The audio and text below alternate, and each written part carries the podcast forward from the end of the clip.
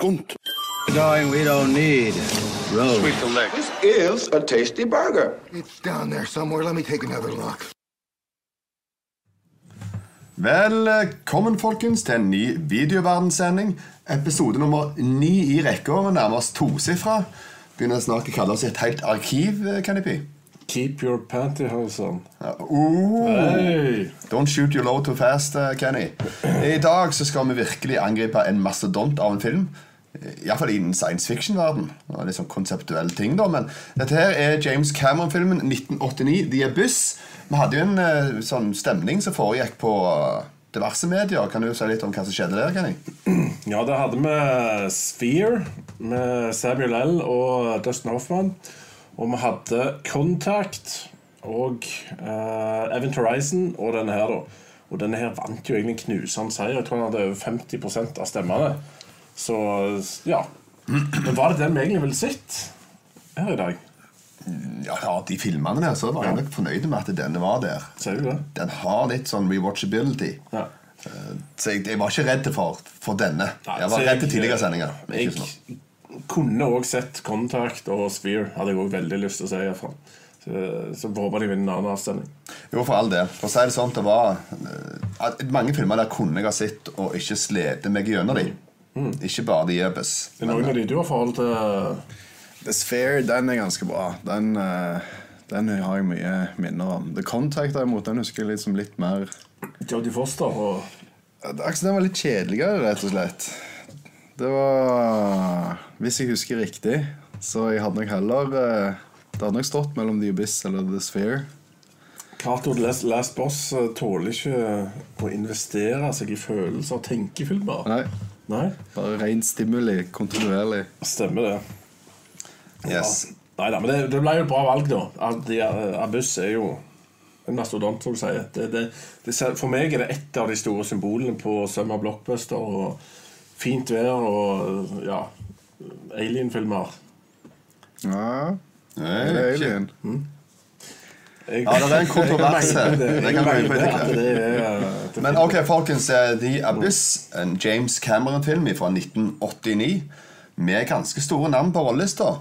Ikke, ikke så veldig store da, men kanskje blitt litt mer etter hvert. Med Ed Harris. Eh, Kanskje hans gjennombruddsfilm. Om det ikke da de eh, Hva heter? Ikke Lost Boys, men eh, The Special Ones. Eller The the Right Stuff. The Right Stuff. Av og til. The Lost Ones-stuff. Ja, jeg ja, utrygt. Men ja, The Right Stuff han er jo den òg, den kom jo før denne. Sånn sett, Han spilte jo en ganske stor figur i Space History, NASA-gjengen og de. Scott Glenn var, det ikke? Jeg mener det var Jeg det. husker faktisk ikke hvem var. Jeg tror han var Scott Glenn som var den første som holdt på med å rotere. Scott Glenn. Glenn skuespiller. Glenn Scott. Scott Glenn, Glenn Scott. Glenn Scott òg spilt filmen, faktisk. Herre min. Ok, jeg, jeg vet ikke hva jeg, jeg må drukke. Det, det må være noe rart oppi denne her, da. Ja. Men det er ja, ok, Vi går tilbake igjen til det. Kanskje noen sjekke hva det han heter, han i NASA som var der. Men okay. Eller hvem Scott Glenn spilte. Eller Scott. Ja. Funnet det er Elisabeth Mester Antonio og Michael Bean. Det er vel tre store navn nå som er med. Så er det diverse andre kjente fjes, da. Er det noen du vil trekke fram, Kenny? Ikke av de andre, men uh, Michael Bean har jo vært skurk i uh, Skåns videoverden før. Ja, Ja. uh, I Johnny Ringo. Johnny Ringo, Tombstone. Tombstone. Så det, han, er jo, han er jo artig, han. For øvrig bare en liten digresjon, men han godeste Michael Bean, eh, Tombstone, er troligvis hans siste skikkelige kule rolle, tror jeg. Det gikk litt sånn downhill etter det, hvis jeg ikke husker Ja, det gjorde det. Det syns jeg det gjorde med Ed Harris òg, egentlig. Etter å ha sett den her, så jeg med Ed Harris Nå nå kommer han til å være i alt. Det, det nye Arnold. Nesten. Han var jo The Rock, da. Det var, han var jo kul i The Rock. Jo, men han, han han var ikke leading man. Han har ikke vært leading man omtrent siden. Nei, det stemmer. Han har aldri vært en virkelig men veldig god på en måte sånn supporting cast. Det er liksom han. Mm. Sånn Bautastein som kom inn som supporting cast og fylle opp filmen, liksom. Men Men her fikk han sin film. ja, det Han gjør det jo bra i, i Hva heter den serien nå igjen? Maskinene. Westworld, ja. Ja, det er jo det nærmeste han har hatt å være en leading man. ja. Ja, The Man in Black. Av uh, Den gjør han bra. Ja, den Ja, gjør han. kjempebra. Ja, ja, absolutt. Ser litt mer sliten ut, men uh, kjempebra. Ok, men eh, nå skal vi ta opp i, I dette programmet her så er det sånn at vi tar opp en film fra barndommen eller ungdommen. 80-90-tallet. Da så vi en del filmer på VHS. Gikk og leide i bilsenteret. eh, og likte jo veldig mange filmer. Kanskje bedre enn de fortjente. Mm. Ut ifra tingenes tilstand og popkultur og bla, bla, bla. Så nå har vi tatt den her opp igjen, da, så lurer vi litt på hvordan var det Husker vi når vi så den første gang? Og hva vi syns? Ja, altså, jeg ble jo veldig bergtatt, som det heter, denne filmen. For det var Etter min mening så er det aliens i filmen. Og jeg syns aliens var Det var det shit, altså. Og de, de går jo inn på ting som at vi ikke behandler planeten vår så bra og sånt noe. Og eh, Første gang jeg så undervanns-aliens, og sånt, så for meg var dette skikkelig Det pirra alle disse sci-fi-følelsene mine. Og, ja, så det er en film jeg har sett mange ganger om igjen eh, i ungdommen. Ja. Så det var storart, helt topp. Superinspirert når jeg hadde sett filmen. Hva var det karaktermessig sånn cirka på den tida? Ja, Sterk rotter, det. altså. Sterk rotter, ja. ja, ja, ja. Ja, ja. Hard date. Såpass. Hard eight. Uh, den kommer dagen tilbake til seinere. Ja. Ja, jeg tror Altså, den kom ut i 89, så da var jeg fem år gammel. Uh, så jeg så nok den på et seinere tidspunkt, men jeg tror jeg var for ung til å på en måte virkelig egentlig sette pris på Du var ikke der, altså? Se, mamma, en ubåt! Nei, altså, for han er sånn mørk. Han er litt sånn, sånn Det er action, men det er ikke sånn direkte action. Det er jo mer på en måte eh, Ja. Det er mer, mye mer spenning. Det er liksom Action. det. Og det er når du så på så Jeg tror jeg var 14 14 år gammel cirka når jeg så han Og det, jeg husker han ga et inntrykk. Mange av scenene jeg så han på nye nå, det husker du umiddelbart. Sånn som det ansiktet kom opp i de greiene der. Men jeg kan ikke huske at det var en sånn skikkelig favoritt når jeg så den da. altså Jeg tror jeg hadde gitt han en eh, sekser på den tida der. Det Ja. Nei, Jeg var jo i samme boksen som Kenny eh, på den tida der. Eh, Jeg har alltid vært veldig glad i det mystisk spennende og science fiction-verden. Eh, Og den her, den her krysser jo av mange bokser da, som jeg syns er gøy. Eh, Så på den tida var jeg nok på ganske lik karakter. Sterk åtter, liksom. Det var virkelig en god film. Og ikke minst har de fått til fantastisk mye med i forhold til det med filmer under vann. Ja. Eh, og hele settdesignet og alt det greia den verden er skapt Altså, vi Jeg var veldig imponert. Og over CGI-nivået på den tida der. Det var liksom sånn groundbreaking. Så det var veldig kult. Og så var jo uh, kona til Robin Hood med i filmen. Ikke minst Marion.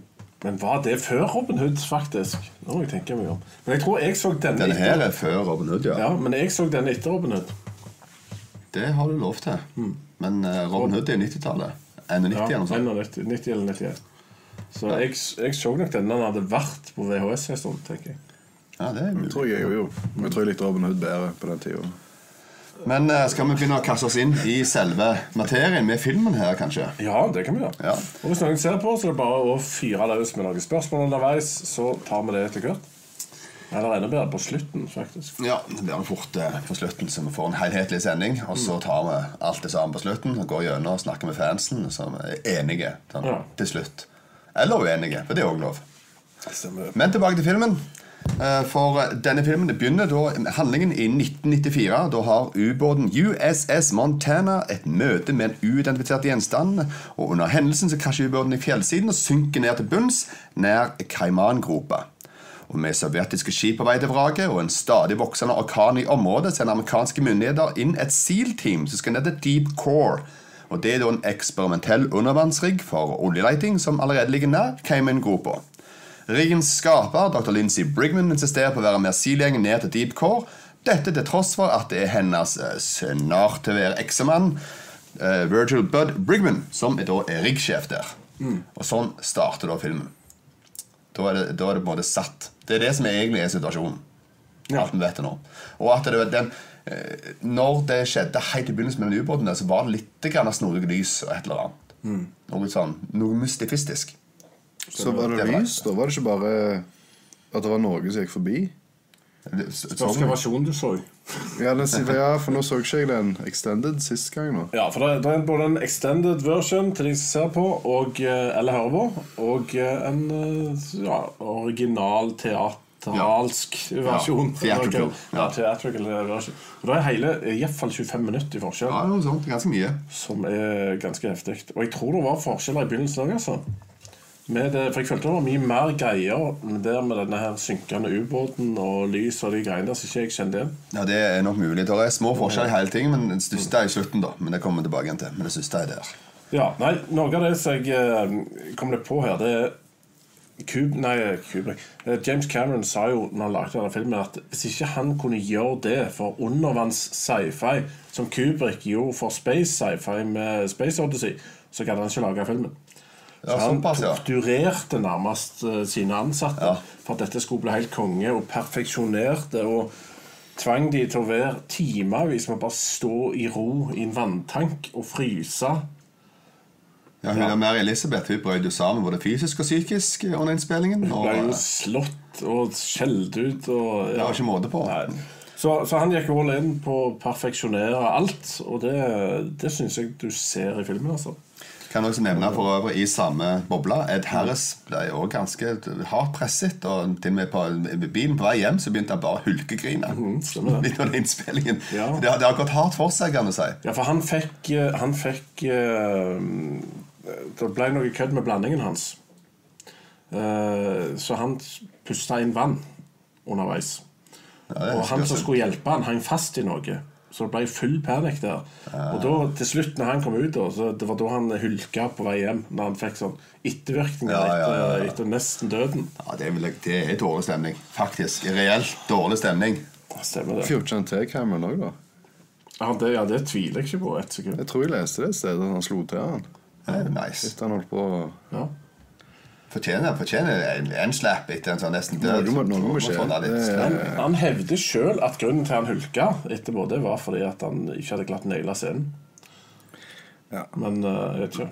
Ja, det er kanskje noe vi alle Han er får ganske svar dedikert, på. Men, ja. Men jeg likte veldig godt uh, hele den ubåtsekvensen. Jeg følte, ja, jeg følte det var ganske på G. Mm. Altså i forhold til hvordan Altså Jeg synes, fant det der troverdig over måten dialogen foregår på inne i ubåten. sånn Ja. Så Små detaljting, da, men altså det er sånn at de gjentar alt det sammen hele tida. Sånn. Veldig sånn prosedyrielt, som jeg tenker at ja, typisk Mm. Ja. militærgreier. Altså, det- Jeg følte at det på en måte samstemte, at det var en autentisitet i de greiene der. Ja. Ikke jo mer enn det. Og så var det veldig greit filma, og jeg trodde på det som skjedde. Om noen nok reagerte på hvor utydelig alt var i vannet i begynnelsen på den ubåtscenen? Ja, det var relativt dunkelt. Ja. Det var det. Eh, Det var mørkt og dunkelt. Jeg har ingenting svar på det. Jeg bare reagerte på at det var veldig sånn Hva skjer? Ja, det, men så er det også fordi at det er ikke noe eksterne lys egentlig på en ubåt. Mens denne riggen som de holder på med senere, har, er det mye mer eksterne lys og sånn. Har de- det mye mer til hjelp i forhold til en film. Stemmer. Så her så blir det egentlig litt sånn. Jeg kan legge til en liten ting her. Uh, det var en ting som jeg syntes var gralla kult, og litt løye å se hvordan de hadde lagd. For de, de gjorde en hel greie av eh, Når de landa med helikopteret, og hun der Lindsay. Shelly-dama kom ut, og disse Navy Sealsa Når Navy Sealsa skulle komme ut av helikopteret, så akkurat zoomte ned i det som jeg nå kaller Army Boots-perspektiv. Hvor du så kun bootsa, så ser du at de i sakte kino hopper ned, og så ser du sprute vann, og så ser de på en måte steinharde ut i skoene. de går der. Så jeg bare tenkte, jeg følte det var litt sånn The Rock-feeling Ja, ja, ja. over måten de gikk ut av helikopteret på. Jeg bare tenkte- tough guys. Ja, ja. Så jeg tenkte, Å, de var kule, de er tøffe, tenkte jeg med en gang jeg så den. Eh, men hva skjer med hun der dama, da? Hvor det, første skjer, er at de kaller henne bitch. Når hun kommer ut derfra, til og med. Når, når hun kommer ut av helikopteret, så begynner bitch-greier som går igjen i hele filmen. Alle syns hun er bitch. Hva du har gjort for noe? Jeg tror det er mellom forholdet som har gått til grunne med hun og Ed Harris. Ja. at det er noen som støtter han, og noen som støtter hun, og da blir det Ingen som støtter hun. Har lite støtting Nei. den veien. Bitch! Alle bare For det er sånn som den ene scenen Når hun bare sier hei til hun som sitter ute i, i ubåten. Så bare sånn 'hallo', så liksom hei, og så gjør du den brekningsfornemmelsen etterpå. Stemmer. Det er sånn, han ok Så ingen liker henne, tydeligvis. Altså, det eneste som kommer fram, det er at hun har prioritert jobben for Ned Harris. Så han er litt sånn sur Ja, ja, ja. Sånn sure wife, egentlig. Det stemmer, det. Men det er jo det er mer der, da. Men uten at jeg går gå inn på det, så er det greit å vite med de der greiene der som tyder på at her er det en del hendelser før da, som ikke alt vi får vite, men vi vet at her er mye grums. da. Men det er litt kult, da. For meg er det litt sånn gamle måten å lage film på. At du kan ha med sånt, og så forteller du ikke alt. Men det er med å skape lauren og hele greia rundt her. At det, da, du kommer inn i en levd verden da, hvor her har skjedd noe, og vi får det ikke servert mellom masse folk som står og expositioner det til deg. Ja, det er god karakterbygging, rett og slett. Det er kulere måte å gjøre det på. Eh, jeg likte også veldig godt når vi havna ned i den her Deep Exploreren, den der eh, Core Deep, første gang. Og da er det jo han Bud da, som går gjennom omtrent hele riggen. Du er følger han. Det er, det, det? nei, det er Bud uh, Brigman. Det er sjefen sjøl. Han kalles Ed Harris? Ed Harris, ja. Er ikke han Virgil? Jo, men det er ingen som kaller han utenom kona. Ah, ok. Eh, resten kaller han jo enten Brigman eller Og Ja. Ja. Men han da, han går jo gjennom er på vei på at han skal måtte ta uh, snakke med disse folk, Så går han gjennom hele riggen omtrent. Helt i begynnelsen. Det er òg en veldig god måte å få intro til hele settet og alt som skal skje her. Mens alt er på en måte bare på G. Så det var en veldig fin måte intro. Litt sånn Star Trek-følelse, men det var bare mye kjappere. da En Star Trek-episode Film 1, Star Trek, for det er den verste Ja, Einar tenker på når de bruker 20 minutter på å filme Ja. rundt Enterprise. Stemmer. ja Her var en bra måte å gjøre det på. En kjapp med med gange gjennom der. da Den likte jeg. Uh, og så likte jeg jo veldig godt når han sa uh, Når det kom til sikkerheten her, så var det me, then there is God. Eh, selv om at det på en måte falt på stengrunn. Det var jo et ingentings hevd i den settingen i hele tatt av filmen. Det var bare noe han sa, men så var det bare tull. For alle gjorde det de lyst til uansett. Så det var greit. Han var så snill, demokratiske sjef, egentlig. Ja, han egentlig. Han prøvde å tøffe det med en gang. Ja. Nei, det, noe av det jeg la merke til ganske tidlig, er hvordan jeg likte musikken. da Og det egentlig veldig festlig og eventyrlig musikk for det meste. Og da er det jo fordi at det er Alan Silvestri, som er Back to Future-mannen, uh, som òg har musikken til Forrest Gump, Roger Rabbit, Predator. Og det, jeg, jeg kjenner jo at jeg blir glad når jeg hører den musikken, og det setter i gang eventyrvibbene mine. Ja, altså, jeg, jeg liker veldig godt den klassiske musikkbruken her som underbygger filmen og det som skjer. Men den der forbanna sangen som de sang på Altså, Hun, hun Ja. begynte jo altså eller, Hun, hun som styrte den her han er ute, ute i havet den ene minusøpen minusøp begynner å synge Han spiller den sangen, begynner å synge på den. Han, og så joiner jo folk med, da. Han ene på kontrollrommet, og Bud sjøl begynner å synge på den goddam sangen her. Så måtte jeg sjekke. Jeg har ikke hørt det. Hvilken sang er dette her? Måtte jeg sjekke da Og det er da en sang som heter 'Willem' av Linda Ronstadt fra 1976. Er dette her Ja. Så jeg bare, ok, og så sjekker jeg videre. Og den kom fra et album som heter Heart Like a Wheel Som da, for hun var populær i sin tid Veldig stor artist. Hun hadde fire singler på, fra den plata Og dette var ikke en single fra den plata engang. Så med andre ble det en veldig obskur sang Fra Linda Ronstad Som tydeligvis alle setter veldig stor pris på der Så det, det tyder på at jeg hadde fått rettighetene til en eller annen country-sang Og den kjører vi med så det, det, det, Men det ble litt dumt da Det kunne jo vært en sang på en måte Som jeg, jeg tror at alle er glad i Ja, men tenk deg så Plutselig så er det en som liker den sangen, og så har det blitt en greie i arbeidsmiljøet der. Så jeg syns det er bygd arbeidsmiljøet. Denne fjoshatt-sangen der Nei, jeg tror ikke på det Men jeg, jeg er enig, for det, det blir litt mer autentisk. For, måte, for det Hadde det vært en sang som alle elsker, så hadde det vært sånn Ok, den kan alle. Men når det er en sånn Altså når du har en gruppe mennesker som lever sammen, og så plutselig er en som kanskje de møkler den sangen, og så begynner de å synge for narr. Altså, det gjør litt mer autentisk når han er litt sånn Altså, jeg, obskur. jeg fikk hele jobben min til å gå og høre på Vidar Villa, av alle ting. eh, Og alle går Det er eneste folk jeg vet i verden som hører Vidar Villa. Så ja, jeg kjenner meg igjen. Nei, det var bare, Jeg synes det var en litt morsom ting. da Veldig sånn obskur liten Nina Rondseth-sang. da. Ja, men for all del, det kan være at det var Hun digga, elska den, spilte den hver dag helt til de tvang de andre til å synge den. Nå likte de òg den. Men jeg er ikke overbevist om at de har tenkt så langt som jeg har på dette. Nei, det er tvilsomt. Så det, For det jeg tenkte umiddelbart var det, For det, når vi var i Forsvaret, så hadde vi én spiller inne på rommet hos oss. Og det var én kassett, nei, én CD vi hadde. Så de 18 sangene der De hørte jo med gjennom hele Ja, ja, ja. jækla rekruttskolen. Og der var det én sang fra Four Blondes. Nå kommer jeg ikke på den akkurat nå. Men det er en. Det er godt mulig, men det er en sang som jeg aldri har hørt på Hverken før eller etterpå. Men der ble han spilt så mye at det var sånn når du var ute i skogen, så begynte vi å synge på den. alle kunne jo hele teksten utenom, Ja. fordi alle hadde hørt på så mye. Så liksom, det var den, litt den sammenligningen som jeg trakk når de begynte å synge på den der. Stemmer det. Så det alle har opplevd obskure sanger. Ja. Ja, ja, tydelig. Ok, men da, da er den landa. Eh, Godkjent obskur sangbruk. Ja. Men nå skal jeg inn på eh, noe som jeg var litt sånn flau av. For det kom en sånn bullshit, sånn eh, exposition bullshit. Oh, ja. Den bare sånn åh, det kunne løst det på bedre måte.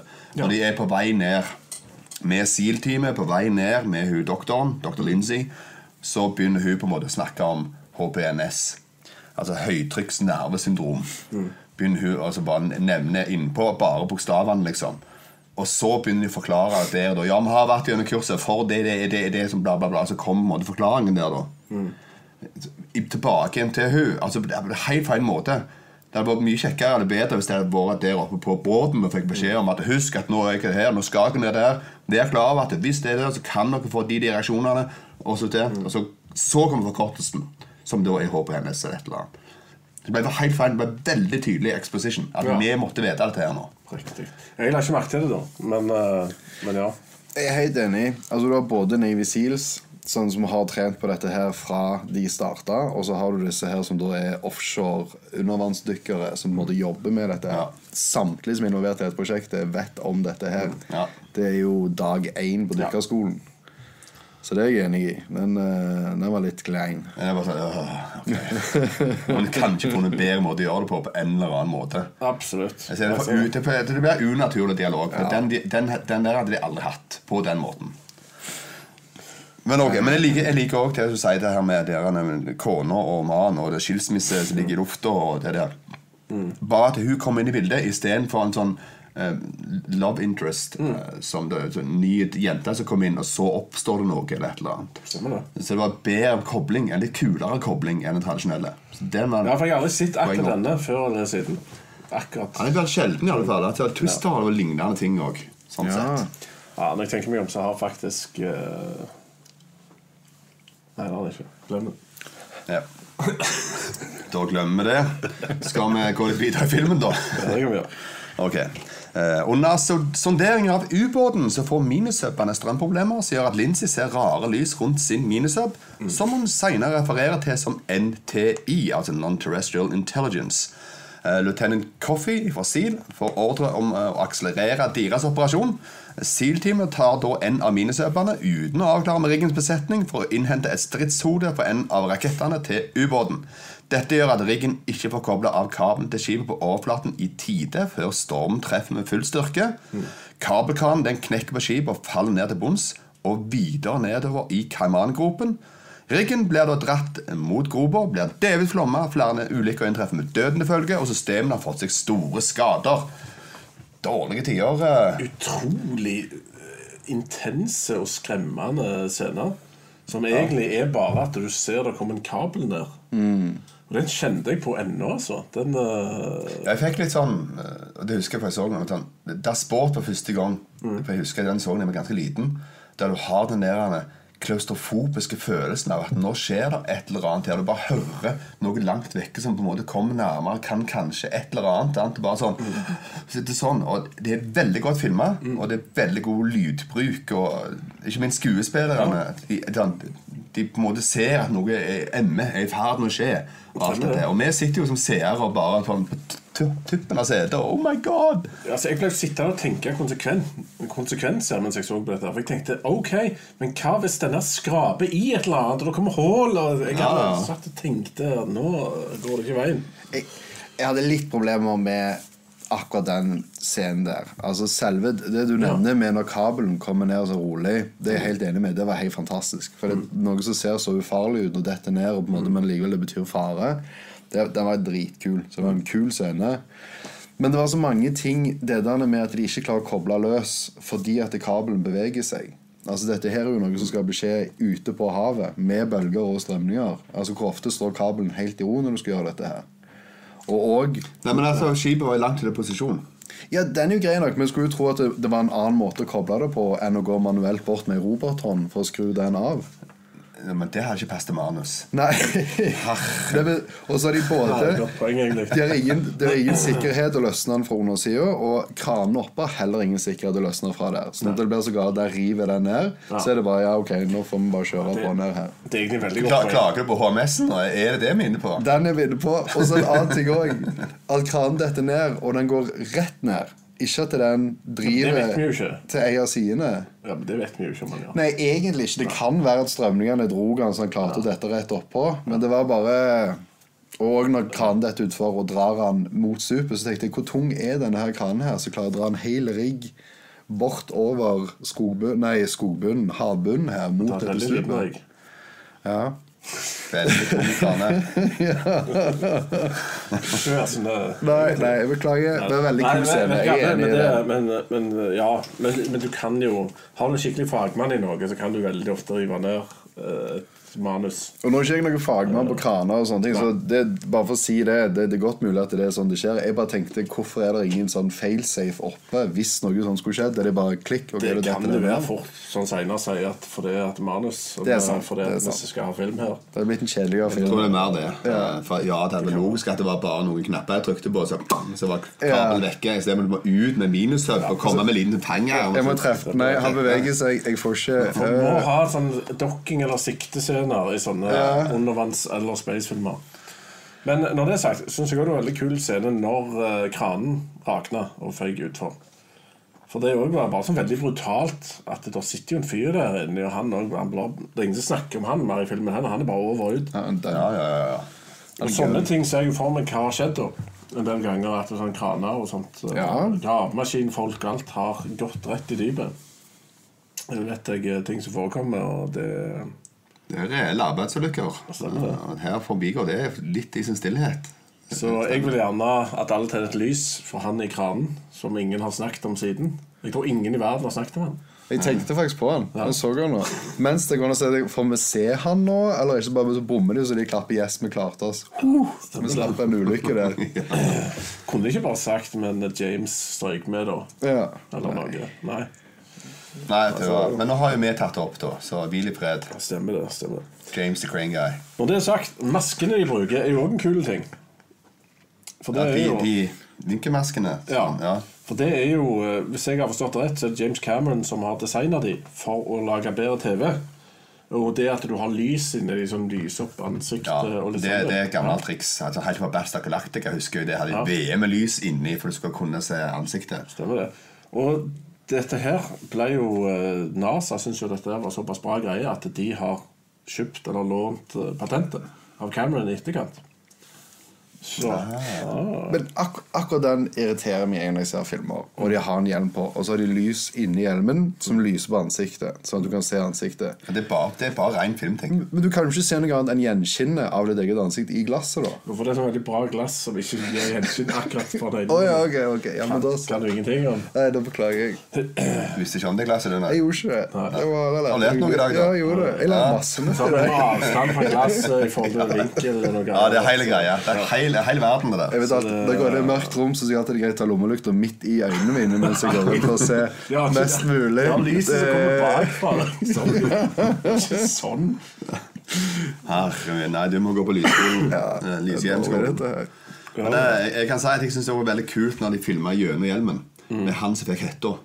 Eh, For det, det, det ga en klaustrofob følelse for, det, for oss som ser på når han begynner på hetta. Når du gikk inn i førstepersons uh, Ja, førsteperson første person der i gjennom hjelmen på en måte Du får liksom sånn Det er det han ser her. Mm. Det er viewen hans, på en måte og han begynner å frike mer og mer ut. og sånn ja, Det var bra. Så legger du til pusting. Altså, jeg har bare veldig tung pusting. Så inn, inn, innvendig pusting. Ja, du føler deg innsnevra der. på en måte Stemmer det. Det. Så det klarte de, ja. Den Og så ryker tauen. Så ser du bare han står der med tauen, og så går pustefrekvensen opp.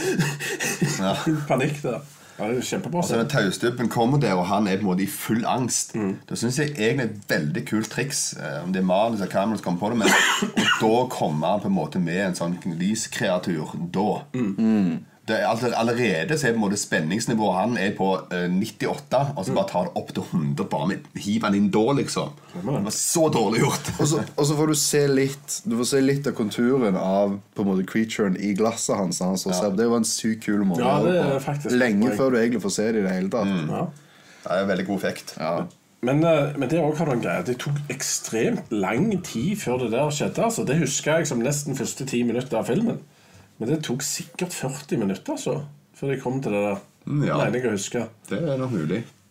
Det er en del etablering av alle sånne, sånne set pieces og folk som skal Ja. ned og så skal i gang med. Så har du litt sånn kalde krigen-ting og litt sånn antydninger om det. Og, så det er ingenting som tyder på at vi skal få se noen aliens her.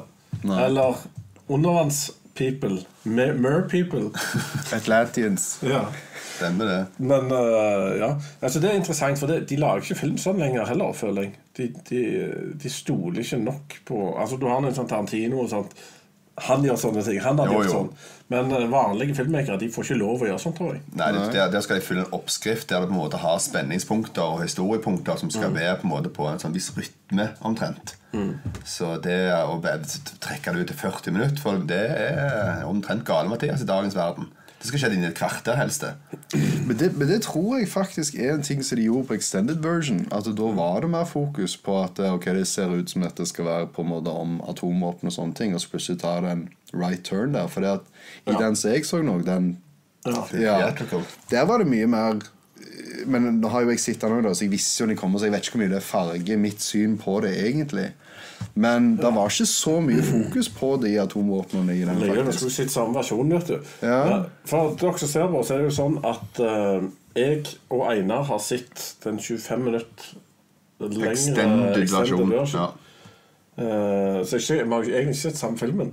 Sånn som hadde Vampyrkvelden. Ja, Jeg enda fra 1930. Det er, stemmer det. Stemmer det. Det er sånt som skjer. ja. Ja, ja. Nei, Men det- men uh, Ja. Det, det kan jeg si, jeg syns at eh, CGI-en eh, rundt lysopplegget så jeg faktisk var litt datert. ja, det var det. Den gang da så var det bra, men det var litt datert, faktisk. Og det var he helt ok. For det, men, Så når de skulle flyte, liksom, så så jeg bare sånn Løye, sånn løye ja, du så litt, litt feil i bevegelsen. Akkurat som du så i Aliens, når vi prøvde å se den eh, for et par år siden. Ja, det, ja Aliens ja, når de er på vei ned til planeten. Ja. Du har det lille snodige Skipet Skip sånn der. Ja, det er forferdelig. Ja. uh, men jeg, jeg syns det var Vi kan gå inn på det da Det var veldig kult med rotta når de gjorde det. Så vi tenkte, er det Er men helt der nå? Ja. Ja, vi er helt der. Okay. det, det skjer tidlig i filmen at han viser dette her. Det er ganske tidlig til filmen. Han Ja. viser utstyret, hvordan det funker. Han kommer og spør hva er det. Stemmer? Og da tar han øh, For jeg ikke husker det helt om, men det er væske Ja. som, som det kommer tilbake senere i filmen, som kan pustes. Liquid oksygen-ting. Komposittgreier. Som du kan puste da istedenfor luft. Gjør at du kan tåle mer trykk. Ja. Og så viser jo han asyltypen da dette her, hvordan det funker. Så tar han rotta til den ene mannskapet, Mm. og så presser han på en måte ned i den her væska. Og så ser du den rotta begynner å puste det i vannet. Og jeg tenkte på at det var veldig godt lagd, tenkte jeg. Så fikk jeg paddesjokk etterpå jeg leste at det, det, det her eksisterer jo. Ja. Og det er ekte rotte. Ekte rotte, og det, den gjorde det. Ja. Ja, det er helt fint etterpå, liksom. Fire av fire rotter puster liquid i film. Eller i innspilling. Ja. Det er helt Det, det, det er sånn liten sånn For det hadde jeg Jeg trodde bare det var bare ren fantasy. trodde jeg. Ja. Enkeltmenn trodde jo at de hadde overtalt rotter til å gjøre sånn pusteteknikk under, under Nei, altså Jeg hadde mer trodd at de på en måte hadde bare lagd det som det så ut som at det var i vann, og ikke var det. Eller et Ja, eller ja. annet. Men det hadde, hadde de gjort det, altså, hadde det vært tidenes eh, effekt. For du ser, at du ser han puste, for godt sake. Det er jo fantastisk. Ja, det er rett og slett ganske heftig gjort hvis de har klart å gjøre det uten uh, de har det på ekte, som de gjorde her. Men jeg må si det da hadde jeg vært han rotteeieren, så hadde jeg på en måte gitt han en. Eller Ja, noe. det For det er var jo rimelig utidig gjort. Uh, Bare ta kjæledyr. Denne var bare før her. Pff. Han bare nei, nei, nei. nei Altså, Stopp han, da. Gjør noe. Ikke bare «Ah». se på han stakkars. Han var ikke den tøffeste i gata. og Han var han. Navy Seal okay, ok, som tok eh, rotta. Så han tenkte vel skal jeg dø for rotta mi? Så jeg eh, bare spørre om jeg kan slippe rotta? Men eh, ja. Men det var litt rare ting, da. Altså, egentlig. For oss som seere så funker det jo på all del. Men jeg tenker, i selve situasjonen, hvis du ser på det, så er det ganske dårlig gjort. Det er ganske asshole. Ja. Når du ser hvordan enkelte folk har forhold til dyr òg, så er det jo ikke urealistisk at det, For han så er jo rotta en guinea pig. Og det er faktisk Ja, ja. en guinea pig står klar til at jeg kan vise trikset mitt her. Ja, det, det er mer vi tenker på de sosiale antennene i forhold til at dette her er på en måte en annen persons eiendom og dyr og opplegg og ting og tang. Du trår inn på det mer enn bare dyret. Så det er mer den på en måte snodige karusellen som blir litt sånn ødelagt i en så liten plass som dette her Ja. Ja, nei, sant nok. Sant nok. Men han er, han er jo sikkert full av høytrykksnervesyndrom, han silen. Så. Stemmer det. Nei, Rottescenen er fantastisk. Det er ingenting uh... Også må jeg nevne en ting jeg synes var veldig kult med han samme rottemannen. Eh, for det at de sitter og ser på sånne nyheter eh, rundt eh, sovjetsituasjonen og ting og tang. da Jeg synes for så vidt det er greit de hiver med sånne ting i film òg, for det underbygger litt realismen. Hvis de klarer å implementere det bra. De gjorde det ganske ok her. Men de viser da Du ser hele gjengen sitter der, og de sitter og ser på nyheter. Og da ser du han sitter og nybiter på neglene sine bak der. Det er sånn snodig, rar ting som du omtrent aldri ser i en film. Det er litt kult, syns jeg. For det er sånn veldig hverdagslige ting som bare skjer, men som aldri er på film. Ja. Det har jeg aldri tenkt på. Nei, det er mulig du har rett. Ja, jeg, jeg reagerte på det på en måte. Ah, kult, det er jo det er så, hadde, hadde det vært overvåkningskamera på, på gjengen som satt så nyhetene, så hadde det fort sett sånn ut. På film så er det typisk ikke det. Da sitter alle og ser mer interessert ut enn de egentlig er. Litt sånn. Så det, ja, det, det var, en veldig kul liten detalj. da Jeg har sett folk som klipper tåneglene et par ganger. Ja. Vet ikke om det er i samme gata, men det, Hva slags scenario er det vi snakker om? det er Fawlty Towers. Da sitter Basil Fawlty og klipper tåneglene mens Ja. hun franska kommer på døra og vil ha seg med han. Og så har jeg òg sett i Kongen av Queens når naboene som skulle være supersexy Doug and Carrie syntes de var så superhot, og så fikk du se hva de gjorde når ingen så på. Og så hadde de klippet neglene. og sånt, Det var litt gross. Så flott. Ja, ja. ja, så det, det er to referanser til negle- negleklipping. Ja. Det var godt. Denne episoden som vi tar opp negleklipping.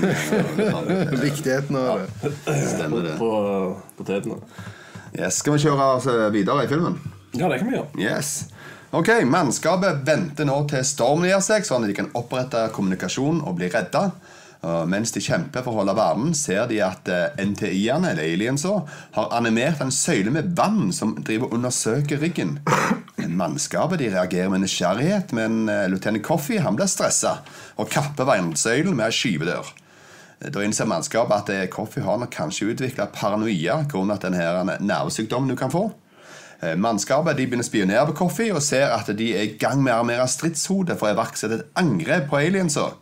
I forsøk på å stoppe han så slåss Bud mot Coffee, men Coffee han kommer seg vekk med å stikke av med minisubben, som nå har et aktivt stridshode montert. Bud og Lindsay tar opp jakten i den andre minisubben, noe som resulterer i at begge minisubbene blir skada. Coffee han klarer å sende gå stridshodet ned i kaimangropa, men minisubben følger etter, og Coffee dør da den imploderer for høyt trykk. Og Bud sin minisub den begynner å ta en vann. Det er dårlig stemning. Og med bare én dukkertakt tar Bud med seg en bevisstløs Lindsay tilbake til riggen, hvor de utfører CPR, og hun våkner til liv igjen. Eller HLR heter det vel faktisk på norsk, da. Hjerte-lunge, livredning og de. Litt Yes. rar versjon av Haaland. Veldig rar versjon. Ja. Jeg har skrevet her jeg, at det er sånn Fight, goddammit! Det funker ikke som CPR, har jeg skrevet. Men, eh. Det er jo på en måte noe som har skjedd mer enn det Det har skjedd også i Bølgen. Det er òg cirka samme scenario. Det skjer det jo. du bare kjefter noe og ber noe all slags, og våkner de av seg sjøl. Sier jo at det er ikke guder som kan gripe inn hvis du sier 'feit goddammit'?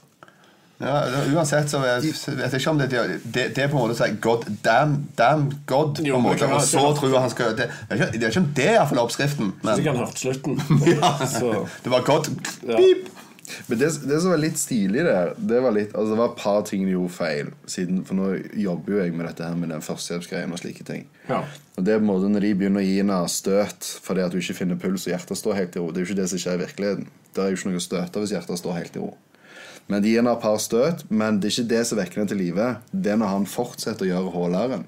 Mm. Og det er faktisk litt mer reelt enn det som virker naturlig. For det, at det er det som oftest da de kommer tilbake. I tillegg til at det at hjertet stanser pga. kulden, er faktisk det beste optimale forholdet for å få dem tilbake igjen. Ja, det stemmer, Så det. det var faktisk litt mer realistisk enn jeg hadde forventa fra en 1989-film. Men det var egentlig som var veldig mye bra med det de gjorde.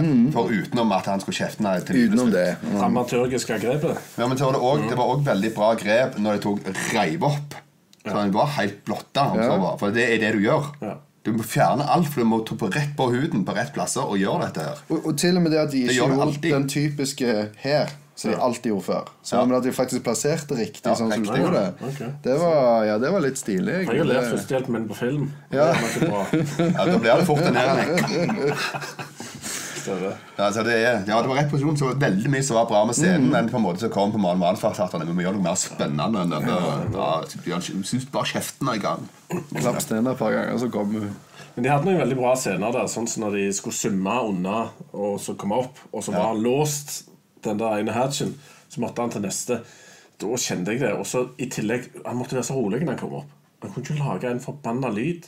Og du kommer opp av vannet, og da bråker det litt sånn naturlig og sånn. Og så så du bare han Navy Sealen satt der og bare takk, takk, takk, takk, takk, takk. Han Ja. skrapte på et eller annet. Eller sånn, holdt på med kjettingen. Ja, stemmer det. ja. Det var utrolig bra scene, og så sitter jeg også og vet at han er Navy Seal. Han der er bare en sånn middels pluss arbeidsfyr som sikkert kan feite litt. En liten hardhaus, troligvis, liksom. Det er Ja. det. Og så gjør han jo det veldig dårlige valget at han skal til å pikke han på ryggen. Jeg klarer ikke helt bestemme seg hva han skal gjøre med det. Men det er veldig kult, da. For det er litt sånn naturlig at han, han Det er ikke voldsmann. liksom. Ja, Ja, det var ikke. Men det var veldig bra fight scenes. Og jeg tror det er den kuleste slaget jeg har sett siden Rocky når han der med skjegget kom inn. Og bare mure til han så det letter og fyker bakover. Og så rister han på hodet, og så skal han til og bare Nei, går andre vei. Ja, Nå stikker jeg. Nå, nå, her, nå ble det dårlig stemning. Stemmer det. Så den, var, den satt, den der, altså. Det var bra filma slag. Men jeg, jeg glemte å nevne en ting som jeg syns var ganske bra lagd. Det var når ble, riggen ble dratt, da, selv om det, om det skjedde eller ei. På rett måte. Men når den ble dratt bortover, og alt det som skjedde inne i riggen Når det på en måte det begynte å lekke inn der, og det begynte å komme brann der, og det ble krise overalt, liksom. Det viser, Og det var ikke mye fart involvert der på noen måte. Det var bare sånn, liksom. sant? Men så skjer det jæklig mye drit. Det, det viser seg at det er mulig å lage det sykt spennende selv med så lite fart. Som de ikke klarte å gjøre i Speed 2. Så, så det, det er mulig! Ja. Det var beviset. Det måtte bare ut. Det måtte bare ut. Må bare trashe Speed 2 litt. ja, jeg har ennå ikke sett Speed 2. Jeg styrte glatt unna. Jeg fikk aldri fått så mye advarsler i hele mitt liv. Og så har jeg et veldig stort spørsmål òg. Hvorfor, uh, hvorfor i verden henta de ikke den eh, raketten og stridshodet etter de hadde kobla av? Hvorfor måtte de, måtte de absolutt kjøre bort til den ubåten før de kobla av? Hvis at det var ei greie? Det, det var veldig rart. Fordi at film Det, det, det er troligst pga. film. Ja. For det skapte jo veldig mye problemer. da sant? Det var løst sånn. For det var null problem å hente den etterpå. Ja. Men, men, men det er sånn Det er også et spørsmål Er det en svakhet eller en styrke for filmen at du har så mye Det er ganske, den er ganske plot-heavy, egentlig. Du har stormen som en fare, og så har du uh, dette giftermålet som holder på å bli ødelagt. Og så Så har du kanskje noe, Sovjet. kanskje noe aliens, kanskje noe Sovjet, og så har du basically noe en rogue uh, Navy Seal der med Ja, ja, ja. Med nukleaster og ja, ja. Så det er grelle mye ting som pågår her. Det er så jeg var litt spent, jeg hadde kidsa mine med meg og så den her i går. Så jeg tenkte de er nødt til å kjede seg noe siden. Det er så mye greier på gang her, tenkte jeg, at de kan jo ikke henge med. Men de koste seg, altså. De, de hang med. Godt opplevd. Ja, ja, ja. Det, men de klarte til og med å se The Dead Don't Die, så Men jeg må si når hun til dama og ser det som lysstyr for første gang sant? Og så står der ute Ja? De er lys, den gjengen på en måte Det kommer større opp sant? Og Ja. står der og så ganske tøff i trynet. Altså, hadde jeg stått og sett på det, jeg hadde, jeg hadde drevet i drakten. tenkte Ja. jeg Er det mulig? Det samme med det vanngreiene òg. De er jo sånn, sånn giggity happy. Og bare wow, all right, se på vannet! Det er bare sånn, Jeg er bare sånn ja, Du er jo basically han Navy Sealen. Han bare så er- Monster! Og lukter Nei, ikke, jeg, ikke et monster, men jeg er på en måte at jeg hadde frika litt ut. Og bare sånn, Hva i helsike er det som skjer nå? Jeg var litt sånn What? Ikke bare sånn Ja. Altså, hun liksom er Det jeg òg reagerte på der, er jo det at hun For de vet jo ikke om dette her er vann, eller er det et vesen, eller hva er dette? Så går hun bort, og så Ja. fingrer hun i ansiktet, og så tar hun det i munnen. Hvem, hvem gjør Dette var en random fluid. Ja, det var heldigvis sjøvann. Jo, jo men Første altså, stedet du tar men tunga er der jo for å smake. Hva er dette? Du dauer ikke av å ha ting på tunga. for det meste Du dauer av å svelge det. Du, du kan absolutt daue av å ta ting på to Det spørs hva det er. for- Hvis, Ja, hvis dette det, her var. Ja, men hvis du ser sånn historisk sett, så er det jo tunga vi bruker for å finne ut hva ting er. Sånn. Du har de som skal spore opp han der cowboyen. Da smaker på driten til hesten. Og, altså Folk tygger overraskende ofte på drit. altså Ja, ja Og- det, ja. det, det skjer mer enn vi trodde. Men Det er ikke sånn som gamle sånne, sånne politiserier. Når de tar for fingeren ned Ja, det er kokain. Mm. Ja. Det kunne vært hva som helst som du akkurat stakk i munnen. Ja, ja, ja. Nei. Men hun er eh, explorer. Ja. eneste eh, måten. Ja. Nei, det Men det, disse undervannsdronene Oppførte de seg sånn på 80-tallet? Altså, det, De virker litt sånn halvautomatiske. Og jeg, vi er ca. 90-tallet, da. eh, Sånn sett. De var så langt framme som de kan komme på teknologi. Så i, så er det på 89, så er det ca. 90, kan du si. Eh, så kanskje. Ja, altså, Jeg ble ganske fascinert av Fordi at Noe av det som gjorde at jeg likte filmen bedre nå, Det var på en måte du så sånn som dere sier, de detaljene som er lagt i det. Og de dronene som de bruker. Fordi at Hvis de ikke var kommet så langt, så hadde de tippa jækla godt på hvordan disse her ser ut og oppfører seg i vannet. Slik at det må jo ha vært det absolutt nyeste innen teknologien som de har fått lov å bruke i den filmen der. Altså. Det Men når det kommer ene gangen, så er det jo en drone som filmer disse her eh, Navy Seals-gjengene. de holder på med nuk. Og leker seg. Ville ikke de lagt merke til den bråkende, så svære dronen som sto to meter ifra dem og sveiv? Ville ikke de ant at er det, er? De er proppfulle av nervesyndromer, de. Så de er Ja, bare den ene. Nei, eh, Nei, det er ikke jeg. den, den der var jeg litt sånn Ja vel. Den, eh, Den var litt spesiell. Ja, det Ok, Skal vi k- kjøre gjennom siste, siste del av filmen? ja. Ok, Da er det da eh, gjenværende SEAL-medlem Ensign Monk kan hjelpe Bud ved å bruke en eksperimentell dykkerdrakt utstyrt med flytende pustesystem, som gjør at han kan tåle dype dykk. Men eh, drakten kan kun kommunisere via et keyboard på armen. Bud han begynner neddykket assistert av Lindsay sin stemme for å motvirke forvirringseffekten av stadig økende trykk. Bud klarer ved hjelp av Monks hjelp å desarmere atombommen, og med lydoksygen i tanken igjen så gir beskjed om at han visste at dette var en enveisbillett, og at han elsker Lindsay. Mens han venter på døden, så nærmer en alien seg Bud og tar hans hånd og guider han inn til et alien-skip, der det ble laga ei atmosfærisk lomme, sånn at Bud kan puste, og de spiller beskjedene til Bud mens de ser på hverandre med forståelse. Og På Deep Core så sitter de og venter på å bli redda når de plutselig får en beskjed fra Bud som sier at han har møtt noen venner, og at de må holde seg fast. Riggen begynner å skjelve, og fra dypet kommer et gigantisk alien-skip. Riggen og flere skip reiser seg opp fra havet og blir hvilende på skroget til det enorme skipet. Mannskapet er Deep Core ut av riggen og er forbauset over at de ikke har dekompresjonsproblemer. Og De ser Bud kommende gående ut fra skipet, og Lincy løper mot han og kaster seg i hans armer. Og end movie. Nå tok jeg da til en eh, theatrical version, ja. og ikke extended. For extended så skjer det litt mer. Stemmer det. Hoppa tilbake litt grann her. Når, eh, når han står og smikker hun eh, for henne til å våkne, Ja. der er det hun sprang av gårde. For de gjorde det greien der så intenst. Han slo henne sånn skikkelig og brølte til henne. Og de hadde haugevis med takes på det greien der. Ja. Og hun var blå og grønn i trynet, og hun klikka og sprang av gårde. Hun skulle aldri mer være med i denne filmen. Det var helt krise. Ok. Så det, ja. Ja, jeg kan se det. Men når det er sagt, er dere klar over hvor mye paralleller denne filmen tilsynelatende har til Armageddon? Ja. For Ungene mine trodde at dette var en Armageddon-rip-off til å begynne med. Og De så ikke at han kom uh, før. For til og med hovedpersonen er jo litt tynn i håret. Og Ja, helt ja. samme fyren, egentlig, på mange måter. Og det er oljerigg-gjengen. Eh, du har det der på slutten. Jeg visste at det var en one way ticket, baby. Ja, ja, ja? Det er bare at han enda, seg. Ikke seg seg, selv. ja, det er ikke måte på. Ja, nei, det er ikke tvil om at det er noe Armageddon har vært og sett på manuset til de har buss her og henter henta ting. Stemmer det. Så, men Utvil. jeg liker veldig godt begge filmene, så det, det går fint.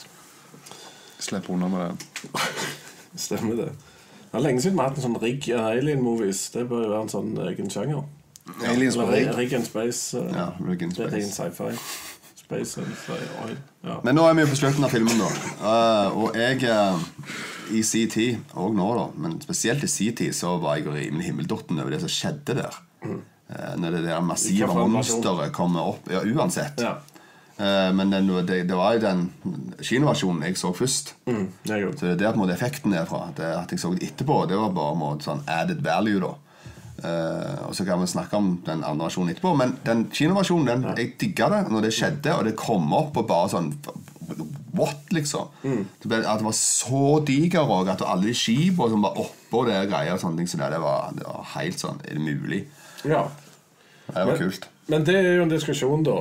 Du tenker at dette er vesen som bor på jorda og kommer fra jorda. Eller? Nei, jeg har ikke sånn Ja, det var, jeg har tenkt at dette her er noe som hører hjemme her. En eller annen grunn, Vi bare lever nedi der og ikke har vært i kontakt med overflatelivet før nå. Ja. Liksom, Det tenkte jeg da. For min naturlige tanke er at dette er noen som har reist, reist fra space, og så er de, de le, er vant med å bo i vann. Så derfor så er det der de reiste. Men hvor lenge de har vært der, og alt det der, vet jeg ikke. Men uh... Men hvorfor skulle de da altså, For det det er litt av begge deler. For hvis de er aliens, altså hvorfor tar de da denne her For de vil jo forandre hva menneskene gjør med verden. Ja, Eller det kan være de akkurat har sett at uh, de har folka der suger. Ja, ja for, det, for det er der på en måte jeg heller litt mer mot at dette her er arkatiske beings, på en måte. Fordi at de har levd i fred og ro med menneskeheter, for vi har ikke gjort noe mer. Men så plutselig har vi ubåter med atomvåpen og greier. og... med en trussel for deres på en måte leve Ja. og tilværelse all slags hvis de begynner å sprenge det er selvfølgelig atomer. men jeg tenker like godt at de har stukket en tur nedom, og så begynner de å observeres. De er sånn, henger litt rundt en stund, så ser de på oss og så Hva det de holder på med de der? De ødelegger jo hele Så egentlig vil de ha oss inn i the Federation of Planets, og så ser de bare det går ikke an å dra inn det der søppelfolket der. Det er bare, å fjerne dem. Så jeg, jeg tror vi er i en sånn fase hvor de vurderer om vi er worthy.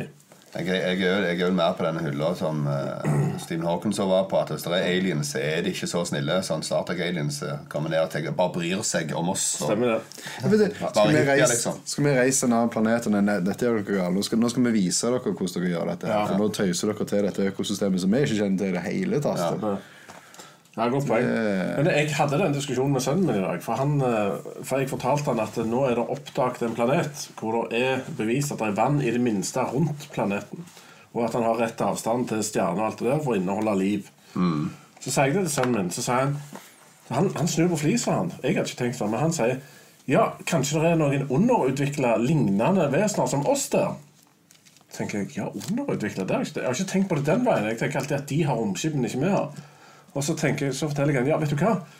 Da får de bare håpe at vi ikke klarer å reise til dem. For da er de helt screwed, sier jeg.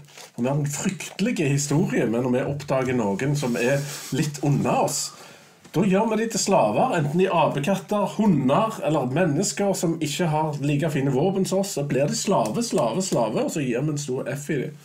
Så for deres skyld så håper jeg at vi aldri kommer dit.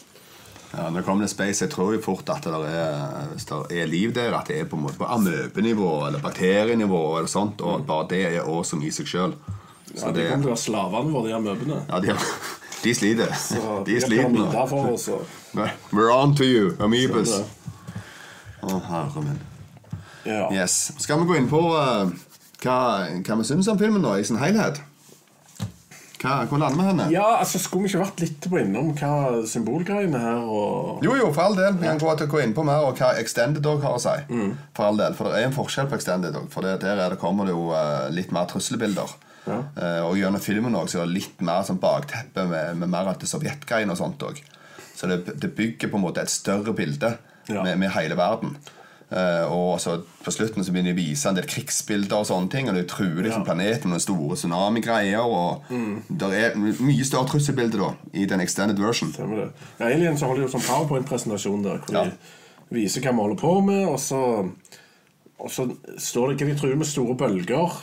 Ja, Med det er 100 meter høye tsunamier med store byer og sånne ting. Og, Jeg tror faktisk det var 1000. Jeg så det nå. Det var langt over. ja, det var sykt høyt, iallfall. Men uh, ja Hva versjon liker du best? Det er jo et spørsmål. Nei, jeg, jeg liker best Extended. Ja, det. Eh, var, ja, jeg så den. Ja. Eh, Den gang da, så var det på en måte tre år etterpå, et eller annet, på laserdisk og sånn, så så den, så bare ah, den, Ja. er, den er mer helhetlig som film, syns jeg, det? enn den theatrical. Ja, for jeg syns denne her eh, var litt sånn sell-out, jeg, altså. I forhold. På en måte. Altså, jeg følte han forklarte mer ting som jeg følte at jeg tenkte meg til i uh, teatralske versjonen. Ja, For, for den der får ikke jeg fornemmelsen av at de kommer med noe trussel på noen som måte. ser du Da er det bare plutselig det er bare noe snodig der. Så plutselig bare kommer han opp, og han lever. Ja, men jeg følte ikke jeg trengte det. For trusselen var idioten med nuken. Men den hadde han løst. Bud hadde løst den. Bud hadde gått Jo, ned altså, og Sagen- klippet den, Ja. og så ble han redda på en måte etterpå. Så egentlig Ja. skjedde det at han redda kanskje Stemmer det? Og vi, aliens. og vi aliens. Ja. Det er jo kult. Mens her da, så er det måte, så da vet vi at de er Altså, en trussel for oss. jeg trengte den. For jeg, Min frykt var bare at jeg var redd for at han skulle ødelegge aliens, og at det fikk konsekvenser. Ja, for I den teatralske versjonen og så den kinoversjonen så følte jeg ikke det var noen trussel med, fra aliens side noen gang. Nei, ikke fra aliens. De var jo buddiesene våre. Ja. Men jeg likte, det, jeg likte det bildet da Når det kom inn at de trua. At det var på en måte a force to be reckoned with. Jo, litt svakere for min del. Men de ødela jo den første ubåten, da. Uten grunn. Ja, det var ikke det mer at de på en måte De ble blenda. De hadde blenda, kom forbi, og så kjørte de inn i sida på et fjell. som rispa opp sida på ubåten, som gjorde at han sank. Herregud, var det det? Så det var liksom ikke, ble ikke angrepne, sånn sett. Det var bare at de, de takla ikke helt å Det hadde vært mye bedre hvis han bare så lyset, og så han som styrer Ja, det var- ja, det var litt sånn. ja. Marine hadde jo aldri krasja et fartøy sånn som det der. Ja, Vi snakker med amerikansk marine nå. Ja. Hvorfor hadde ikke Jeg bare tuller. Norsk marine klarte det to år siden. Ingstad. Ja. Det er jo rimelig pinlig. Ja, det, Så det er mer troverdig enn det, det virker. det. det er fullt troverdig at det er en eller annen som styrte litt rart og galt. Når det er sagt, så vil jeg gjerne berømme skuespillet i filmen. Jeg synes det var utrolig mye bra skuespill. Eh, både hun heter Mary, Mary Elizabeth. Mary Elizabeth og han Ed Harris er kjempebra i filmen. Eh, og At ikke han fikk mer roller som leading man etter den her, det skjønner jeg ikke. altså Jeg forstår ikke hva som skjedde, om han er stygg med folk på privaten. eller hva som er greia Men han framstår som veldig dedikert uh, metodeakter. Ja, ikke jeg heller. Men uh, Michael Bean også forsvant litt. Men han også gjorde en ganske god rolle. Jeg forsto det, hadde, det var veldig mye lobby for at han skulle bli nominert til Academy Awards, men den kom ikke helt opp. liksom. Han var rett under de som ble nominert. forstår jeg. Jeg, har du, han har jo en ganske herlig filmliste og han har litt små roller, kanskje. Og det er eh, Tombstone, The Rock, Terminator, Aliens og hold deg fast Han er i Grease. Oh my god. Han er en uncredited sånn uh, Friidrettsløper. Football-guy. ja. Hvor gammel var han da? Ja, tydeligvis uh, Hva hva er jock? Jock, tror jeg det sto at han var. Ja, sånn jock, ja. Ja. Sportsidiot. Stemmer det. Jock. Stemmer det. Stemmer. Yes. Ok. Nei, jeg er på Jeg understøtter alt det du sier rundt både musikk og skuespilleri. Eh, ikke minst også i forhold til set-designet. Det, det de har gjort der på å lage denne filmen, har vært Ja. vanvittig bra. Eh, for, for det er noe jeg tror på. Det ser levt ut. og eh, så Set-designet var awesome. Og Han kan bruke kamera òg. Veldig flink til å følge historien. Alt som skjer på altså bak og rundt og opp og ned. Veldig bra satt sammen. Jeg følger gjennom historien hele tida. Så han er veldig godt skrudd sammen. Det er liksom et, et filmverk som det står respekt av. Mm. I alle ledd. Ja. Det er ikke altfor mange filmer som har det. Den nå i dag òg. For det får mye oppskriftsting og etc. Så har det ikke den kvaliteten som dette har. Nei, stemmer det. Med så grundig tanke bak det òg.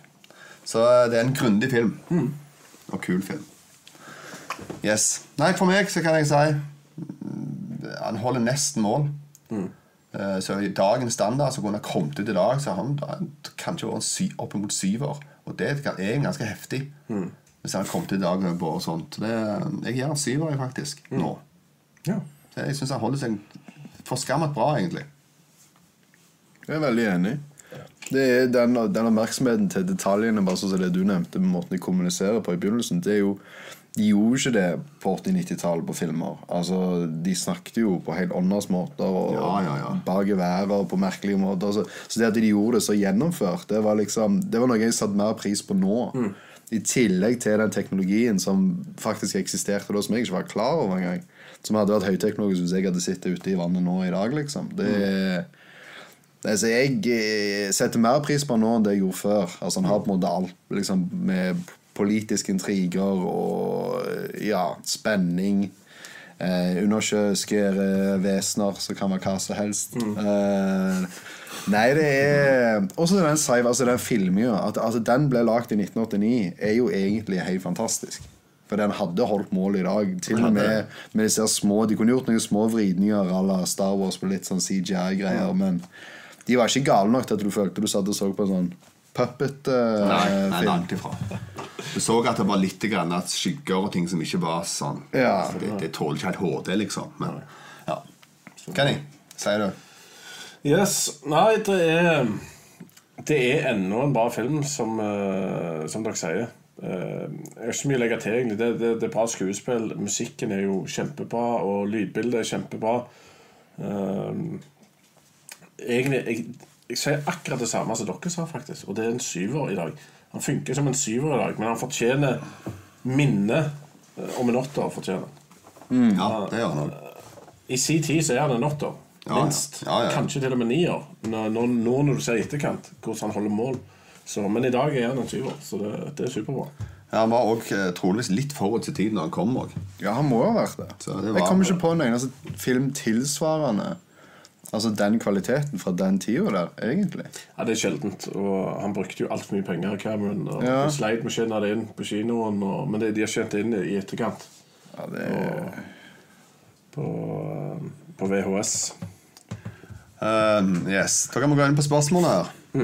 Uh, Bjørnar først kom med, med kommentarene syntes synd på Gina. Men hvem Gina? Det er ingen Gina her, da. Er det det? Men ok. Uh, men Tin Exotic spør i alle fall om jeg likte best kutta eller ukutta ending. Nå har vi både snakka litt om det, da. Ja. Uh, Kennedy liker best den kutta, og meg og deg liker kanskje best den extended. Jeg liker begge og syns de fortjener en plass i verden, begge to. Ja, begge for, alle skal få. Ja. Um, The Norwegian Guy kom inn med en kommentar om at uh, Abyss var den første filmen som hadde dialog under vann. Og at det er Camerons mest undervurderte film. Ja, for det, det var faktisk snakk om at dette var Camerons sorte får tidligere. At dette var filmen som han ikke fikk til. For han var ikke så stor kinosuksess. Men uh, det er jo ikke det på noe plan. Dette er en av de beste, mm. syns jeg. Denne her er en mye bedre film enn hva Avatar var, eksempel, etter min mening. Jeg tror, jeg tror han holder seg noe bedre enn Avatar. eh, Sånn at Isolert sett uten 3D er noe som helst, iallfall. Uten tvil gjør. Ja, ja, ja, herregud. Uh, Bjørnar sier at han så denne filmen eh, på kino. Han har sett den en gang. Det var kino han kom ut, og han syntes den var helt grei.